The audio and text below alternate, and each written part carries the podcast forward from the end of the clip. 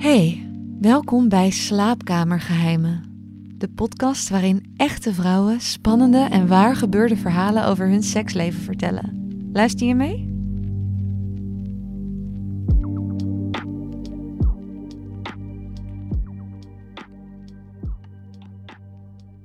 Toen ik haar ontmoette, snapte ik eigenlijk niet dat ik haar niet veel eerder was tegengekomen.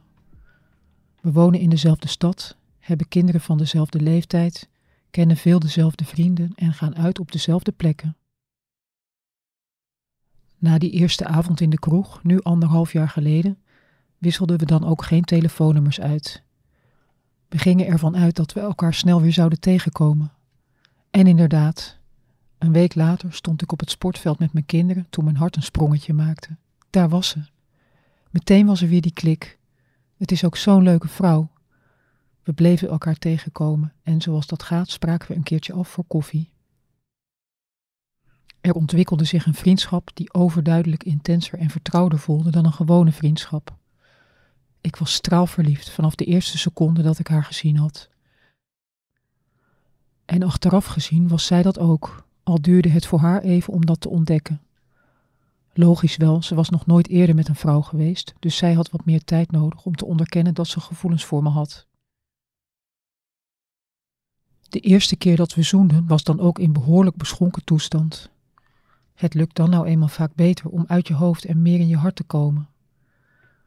Toen we na de kroeg terugliepen naar de fietsen, nam zij het initiatief. Dat vond ik fijn, want ik wilde niks bij haar forceren. Ik weet al sinds mijn zestiende dat ik op vrouwen val. Dat geeft nogal een voorsprong. Voor haar is het overweldigend om ineens dit soort gevoelens voor een vrouw te hebben, ook omdat ze een man en kinderen thuis heeft. De paar keer erna zoenden we ook telkens na een paar drankjes. Het was zo ontzettend fijn, we voelden elkaar zo goed aan. Er was een superklik en we wilden steeds meer. We hebben elkaar ook echt wel eens tegen de kerk aangeduwd, midden in de nacht. Pas na een paar maanden spraken we ook een keer overdag af. Gewoon bij haar thuis, toen de kinderen naar school waren en haar man naar zijn werk. Wat daar toen tussen ons gebeurde, was al helemaal magisch. De overtreffende trap van fijn. In het begin was het nog allemaal een beetje voorzichtig natuurlijk.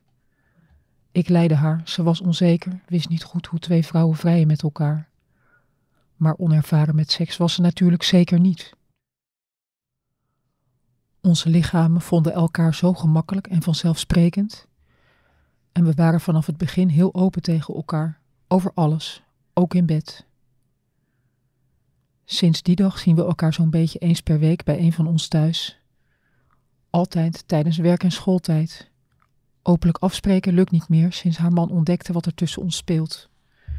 Hij wil dat we elkaar nooit meer zien en dus ben ik niet meer welkom in hun huis. Ook gaan we niet meer samen stappen, al komen we elkaar nog wel regelmatig toevallig tegen. Hoe dit verder moet, weet ik niet. Ze is mijn beste vriendin. We bellen meerdere keren per week. Ze is super belangrijk. Maar ik ben nu twee jaar gescheiden en heb de zorg voor jonge kinderen. Dus ik vind het op zich wel prettig om een relatie te hebben zonder een echte relatie, als in samenwonen en zo. Maar het zou natuurlijk wel fijn zijn als het allemaal wat minder geheimzinnig zou kunnen. Als onze liefde er gewoon mag zijn, als ik er gewoon mag zijn. Maar ik ga niet aan haar lopen trekken, dat heeft ook helemaal geen zin. Het zijn grote keuzes waar zij voor staat en grote vragen waarmee zij wordt geconfronteerd. Ik geef haar de tijd en de ruimte die ze nodig heeft voor haar proces. En ik geniet van de dagen dat we stiekem vrijnemen van werk en de hele dag in bed doorbrengen. De thee die we ochtends zetten, klokken we vaak pas weg als we de kinderen moeten gaan halen van school. Zo druk zijn we met het verkennen van elkaars lichaam. Soms komen we tijdens het zoenen al klaar. Moet je nagaan welke sensatie we voelen als we elkaar verder aanraken. Het is explosief gewoon en magisch, maar ook heel ingewikkeld. Bedankt voor het luisteren. Voor meer verhalen ga je naar libelle.nl/slash slaapkamergeheimen. Heb je zelf een spannend verhaal dat je anoniem wilt delen? Stuur dan een mailtje naar redactie.libelle.nl.